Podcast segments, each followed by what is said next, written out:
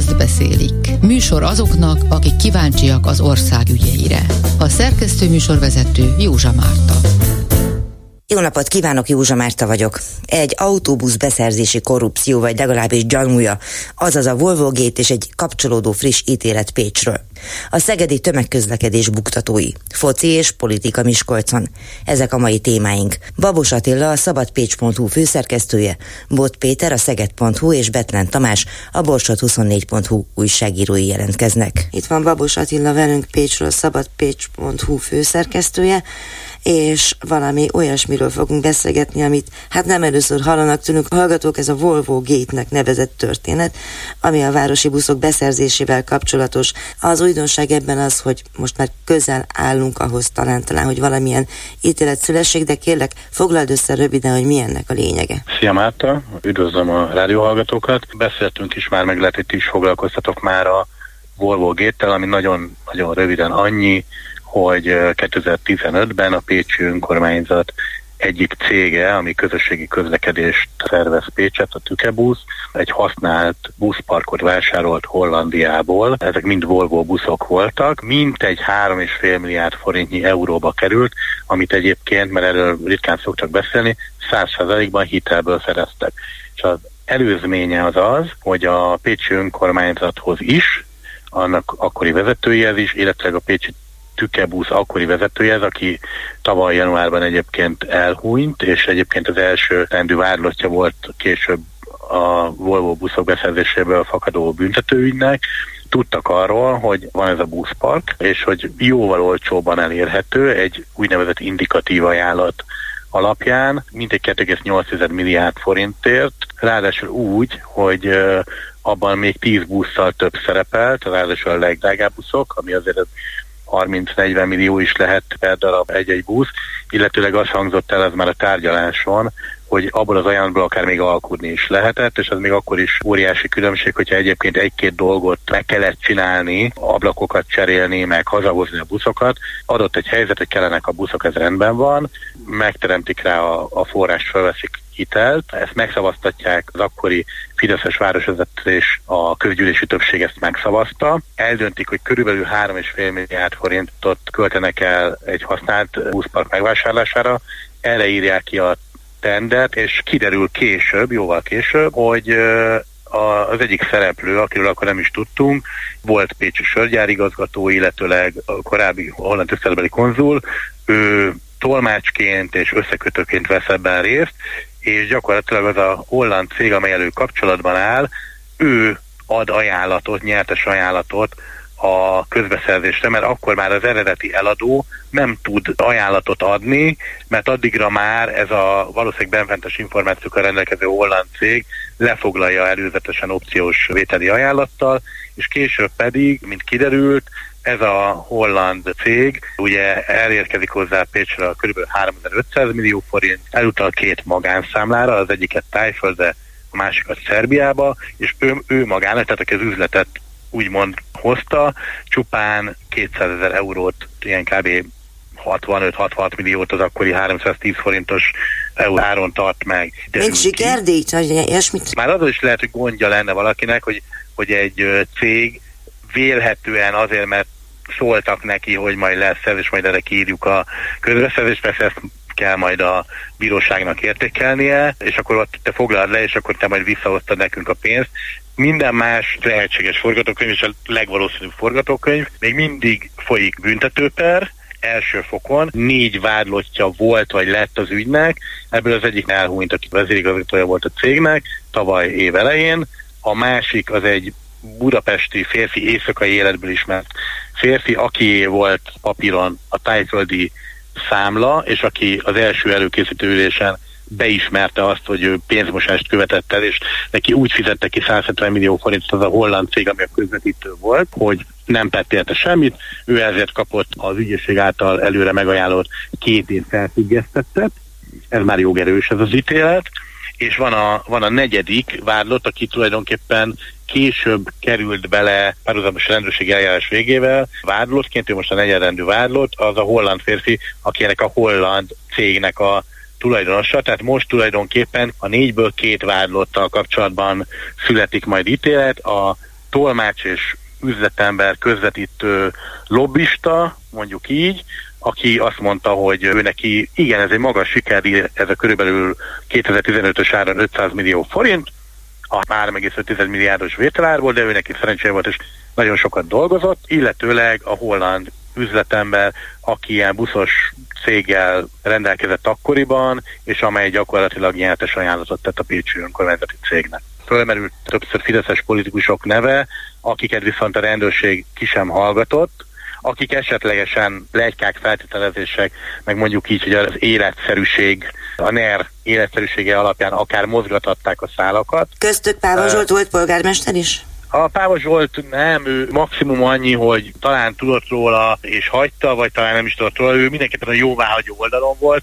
Itt Bánki Erik, Fideszes országgyűlési képviselőt emlegették, és ugye az ő meghallgatását indítványozta az elsőrendű vállalatnak a korábbi védője, ki is hallgatta a bíróság, mondom, a rendőrség nem hallgatta ki, illetve Csizi Péter volt országgyűlési képviselő és volt Pécsi alpolgármester, aki viszont politikusként a Pécsi buszcsere programnak az arca volt, és minden alá tartozott, és ameddig itt pozitív hírek voltak a Pécsi buszcsere programban, hiszen azért ez egy nagyon jó választáson is, hogy új buszokat hoznak az embereknek. Addig ő mosolygott és minden rendben volt, ő intézett mindent, és így tűnt fel a médiában, ahogyan kiderült, hogy milyen botrány volt, utána gyakorlatilag neki semmi köze nincs a, a magához a beszerzéshez. Ha valóban volt, és itt tényleg nagyon feltételes módon beszélek, bármilyen szerepük, az nagyon úgy tűnik, nem látok előre, de nagyon úgy tűnik, hogy nem fogják őket elővenni, már csak azért sem, mert az ügyészség és a rendőrség nem olyan vádiratot, meg vádelemesi javaslatot készített, amely alapján őket nem tanúként, hanem esetleg vádlottként lehetett volna kihallgatni. Hát így. És a történet ma délelőtti folytatása. Ítéletet hirdettek ma a Kaposvári törvényszéken abban, az általunk mindig csak korrupciós ügynek nevezett Volvo Gate néven elhíresült ügyben, az ügyészség szerint korrupciós jellegű ügyben, amely a Pécsi Tükebusz 2015-ös buszbeszerzése miatt indult. A Kaposvári törvényszék szerint azonban bizonyíthatóan nem történt bűncselekmény, ezért felmentették a négyből még állva maradt két vádlottat. Az ítélet nem jogerős, írja a szabadpécs.hu. Erre szokták mondani, hogy no comment. Azt beszélik. Műsor azoknak, akik kíváncsiak az ország ügyeire. Szeged, Bot Péter, összeszedtél egy csomó dolgot olyan témáról, ami hát Szerintem minden városnak nagy probléma most a tömegközlekedés finanszírozhatósága, mármint abban az értelemben is, hogy amit az ember tavaly eltervezett, azt az infláció mára, meg az energiaválság mára bevégezte. Szegeden hogy van ez? Nagyon fontos különbség például Budapesttel összevetve, hogy nem kötelező önkormányzati feladat a tömegközlekedésnek a fenntartása. 2021-ben 6,8 milliárd forintba került ez, 2022-ben 7,7 milliárdba, idén pedig 10,7 milliárd forintba, most úgy mondom, hogy tokkal vonóval, és a probléma az, hogy az állam az gyakorlatilag azt lehet mondani, hogy majdnem teljesen kivonul a vidéki városok tömegközlekedésének a finanszírozásából, így a Szegediből is. Összesen 800 millió forintot ad hozzá, és ez a teljes éves költségvetésnek mindössze a 7 a ezt a 7%-ot is olyan címen kapja Szeged, ahogy ugye a többi vidéki város is, hogy a tanuló nyugdíjas bérletek, illetve havi bérleteknek a, az árkülönbözetét térítik meg. De ugye a probléma az az, hogy jegy és bérlet árbevételből csupán ennek a tömegközlekedésnek a költségének a 24%-a jön össze, emellé 68%-ot oda kell tenni az önkormányzatnak, és hogyha még nem fáradtak el a számokba, akkor ez ebben az évben 7,3 milliárd forintjába kerül a szegedi önkormányzatnak. Szóval ezek egyrészt nagyon-nagyon magas összegek, nagyon nagy terhet rónak nyilvánvalóan a, a, a városi költségvetésre. Ezzel összefüggésben emelkedtek is, és emelkedni is fognak a jegy és bérletárak, de hát nyilvánvalóan a város olyan helyzetben van, hogy valamit lépni kell, mert a költségek hát nagyon elszálltak. Tudnám itt rengeteg számmal, jegy meg bérletárakkal választani a nézőket, de talán ezt most megtakarítanám. Egyébként de magam is tapasztaltam, nemrégiben át utazóban voltam Szegeden, akartam venni, hát vettem is egyet a főpályaudvarról a Mastér a buszállomásra, alig találtam automatát, ki volt ráírva, hogy már nincs rá szerződés, másfelől azért melbevágóak voltak a jegyárak tényleg. Buszokon, villamosokon, trolikon van bankjegyel használható automata. Egy évvel ezelőtt még 370 forint volt, amit itt megváltott jegy, ez aztán lett 450, ez most 500 forint, de például a havi felnőtt bérlet az 8000 forintról ment fel 8800-ra, a diákbérlet jelenleg, hát itt nyilván összvonalasról beszélek, 5280 forint, Hát vérmérséklet kérdése, hogy ezek mennyire drágák, olcsóak, főleg nyilván a havi bérleteket nem, nem tartom kiugróan magasnak, és annyit lehet tudni, hogy jövőre például a felnőtt havi bérlet az 9600 forintra fog fölemelkedni, és ezzel kapcsolatban ki is alakult egy polémia itt a városban. Az egyik független hírportál az megírta azt, hogy a szegedi bérletár az drágább, mint a budapesti. Na most azért ebben van egy alapos nagy csúsztatás, pontosabban kettő. Tehát a 9600 forint az 2024. január 1-től fog életbe lépni. A másik, ami ennél sokkal lényegesebb, hogy Budapesten kötelező fenntartani a tömegközlekedést. Ennek megfelelően az állami normatívák is nagyságrendileg nagyobbak, mint azokon a településeken, ahol ezt nem kötelező. BKK és a, mondjuk a Szegedi Közlekedési Társaság állami finanszírozása az nem csak azért különbözik egymástól, mert a két vállalat mérete meglehetősen különbözik egymástól, hanem arányaiban is óriási különbségek vannak, és ez hozzáteszem azt, hogy például szemben Debrecennel, akkor, amikor az energiaválság rátört Magyarországra, meg az egész kontinensre, Például Szegeden nem ritkították a járatokat, nem állítottak le járatokat, hanem ez működött úgy, minthogyha tulajdonképpen nem történt volna semmi, hogy ugye a városlakóknak az a komfortérzete meg legyen, ami a korábbi tömegközlekedés biztosított. Mennyire lehet, vagy cél átszoktatni a lakókat az alternatív közlekedésre? Azért Szegeden elég jellemző a bringázás például. Ez elég nagy erőkkel folyik. Egyfelől tényleg azt lehet mondani, hogy Magyarországi összehasonlításban nagyon komoly kerékpáros élet van, ami messze többet jelent, mint az, hogy, hogy, hogy próbáljuk rávenni az embereket, hogy legyetek környezettudatosak. 10-15 év nagyon szisztematikus munkája fekszik abban, hogy olyan kerékpár úthálózata van a városnak. Én magam is naponta használom, és azt kell mondanom, hogy, hogy jó, színvonalú, használható, gyakorlatilag a város bármelyik pontjáról bárhova el lehet jutni, anélkül, hogy fehér fehér foltok lennének ebben a, ebben a hálózatban. Láthatóan egyébként tényleg nagyon sokan használják a kerékpárt. Mellette nagyon fontos az, hogy az önkormányzat indított egy kampányt, elég sok sajtótermékben megjelent, a tiéd mennyit eszik, ez a kampánynak a címe, mármint hogy az autója mennyit eszik, és persze szofisztikáltabb a kérdésfeltétel, mert arra sarkalja az autóhasználókat, hogy egy kalkulátor segítségével számolják ki, hogy valójában egy év alatt mennyibe kerül a kocsi fenntartása. Nyilván kiderül, hogy itt azért kötelező szervizekkel, parkolódíjakkal, biztosítással, üzemanyagköltségekkel elég nagy összegek. A vita legalábbis a tekintetben van a városban, hogy való, hogy környezetvédelmi, meg városi közlekedés szempontjából nagyon jó volna, hogyha sokan le tudnák tenni az autót, de ugye van a másik oldalnak az az érve, hogy ha például valaki két kisgyereket visz naponta iskolába, vívóedzésre, úszóedzésre, nem tudom, egy külön francia tanárhoz, és még ráadásul így a szülőknek is be kell jutni kertvárosi részből, vagy Új-Szegedről Szegedre, akkor ez nagyon nehezen megoldható, hogy letegyék az autót, mert egész egyszerűen logisztikailag ez, ez pokoli nehéz. Más oldalról azért nagyon fontos itt az is, hogy az önkormányzat folyamatosan terjeszti ki a parkoló övezeteknek a határait, ebből van is felzúdulás. Itt megint egyrészt és másrészt van. Nyilván ez is az autómentesítésnek az egyik lehetséges módja. Másodarról pedig azt is be kell látni, nem könnyű belátni, de be kell látni, hogy az önkormányzatnak bevételekre van szüksége, és a parkolási üzletákból éves szinten még a parkolózóna kiterjesztése előtt egy milliárd forint folyt be. Ezért is érintette például Szegedet nagyon kellemetlenül az a korábbi kormányzati intézkedés, emlékezünk vissza a Covid időszakára.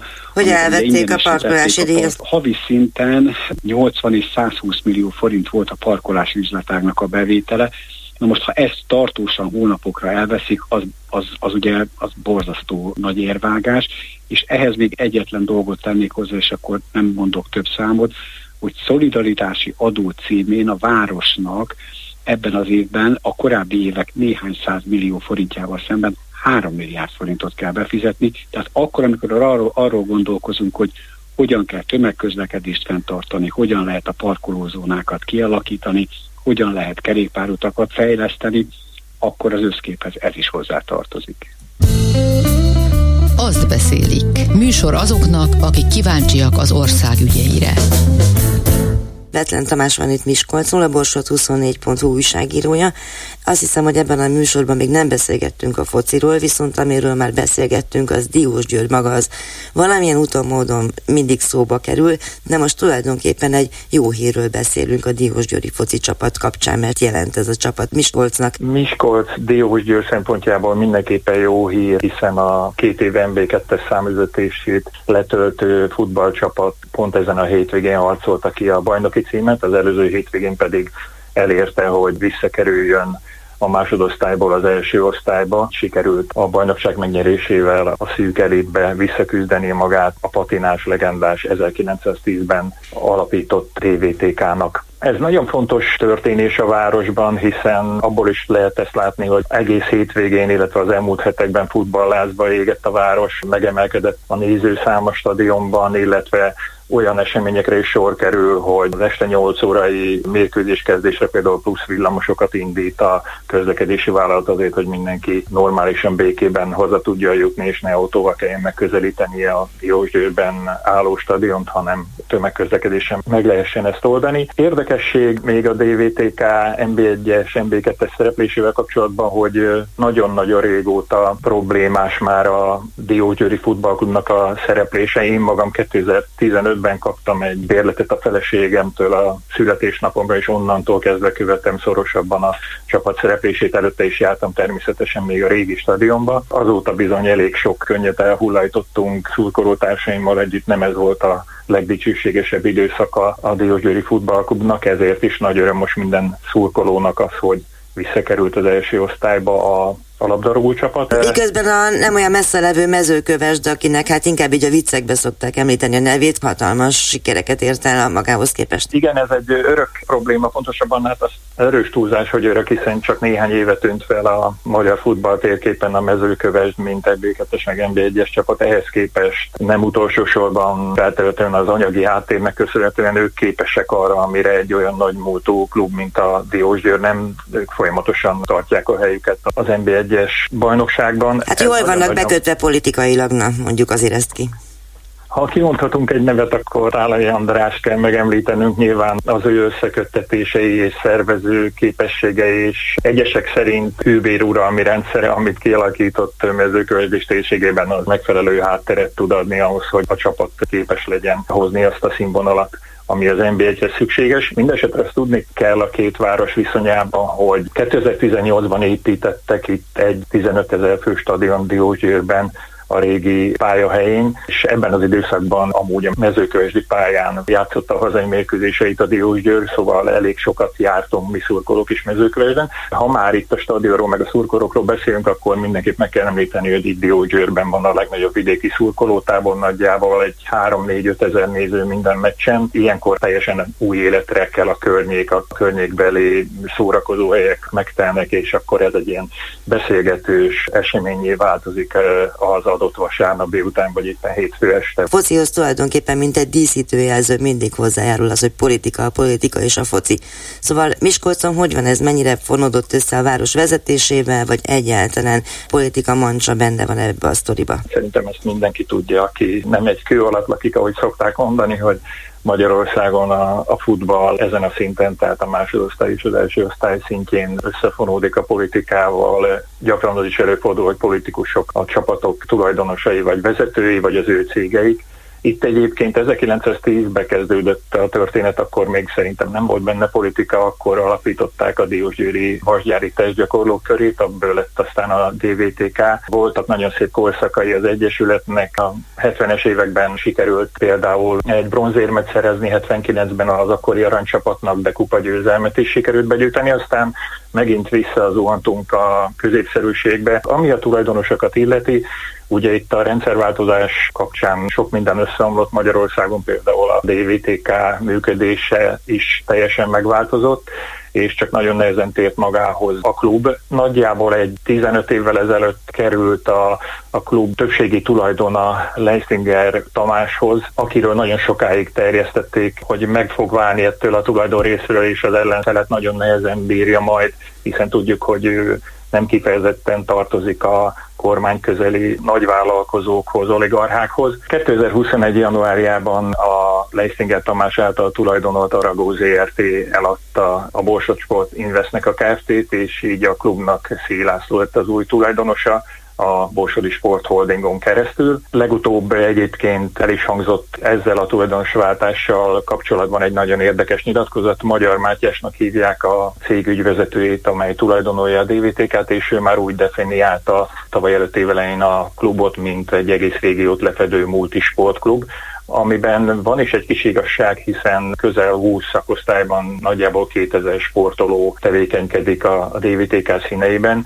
és hozzátartozik még egy észak-magyarországi labdarúgó hálózat, egy akadémia is, ráadásul tulajdon része van a Kassai labdarúgó klubban is, még a táron is túl nyúlik. A már említett stadion egyébként 15 ezres, és a nyitó mérkőzésen kívül soha nem láttunk benne teltházat. Nemrégiben adtak át egy gyönyörű kosárlabda arénát is, illetve folyamatosan fejlődik és folyamatosan foglal el újabb és újabb területeket. Diósgyőrben a DVTK összes sportlétesítménye, medical centrumot is létrehoztak, ami gyakorlatilag a magánegészségügynek egy újabb bástyája itt Miskolcon nem csak sportolókkal, hanem mindenki mással is foglalkoznak. Érdekességként még elmondom, hogy megfigyelhető ugye a labdarúgó stadionban az, hogy együtt nézik a mérkőzéseket a különböző politikai beállítottságú emberek. Én úgy gondolom, hogyha valaki egyébként félre tudja tenni azt a dolgot, hogy a magyar focit alapvetően nem feltétlenül a, a valós erőviszonyok, hanem a pénz és az érdekek mozgatják, illetve a, a politikai szándékok szerint is alakulhat alkalmanként egy-egy mérkőzés, tehát hogyha ezeket a szempontokat félreteszi az ember, akkor a labdarúgás szépsége egy kiváló kikapcsolódási lehetőséget nyújt mindenkinek, aki, aki szereti ezt a játékot és össze is tudja kovácsolni nyilván a, a város közösségét, és erre mondanám azt a aránylag ritka példát, hogy talán ez az a hely, ahol, ahol látni azt, hogy a kormánypárt és az ellenzéki politikusok alkalmanként közel kerülnek egymáshoz. Azt nem mondom, hogy nagyon mély beszélgetéseket folytatnak, de legalább találkoznak, kezet fognak és, és váltanak néhány baráti szót. Aztán, hogy ezeknek mi a folytatása, azt mondjuk le lehet szűrni egy éles önkormányzati ülésen folytatott vitából, de minden esetre a DVTK szentélye, mert ugye így hívják a szurkolók ezt a helyet, egy ez egy kis alkalmat ad arra, hogy félretegyék a nagyon vad csatározásokat a politikusok. Babos Attila a szabadpécs.hu főszerkesztője Pécsről, Bot Péter a szeged.hu szerkesztője Szegedről, Vetlen Tamás a Borsod24.hu újságírója Miskolcról mesélték el azt, hogy miről beszélnek arra fele a városban. Figyelmüket köszönöm, jelentkezünk jövő héten is. Józsa Mártát hallották. Az beszélik című műsorunkat hallották.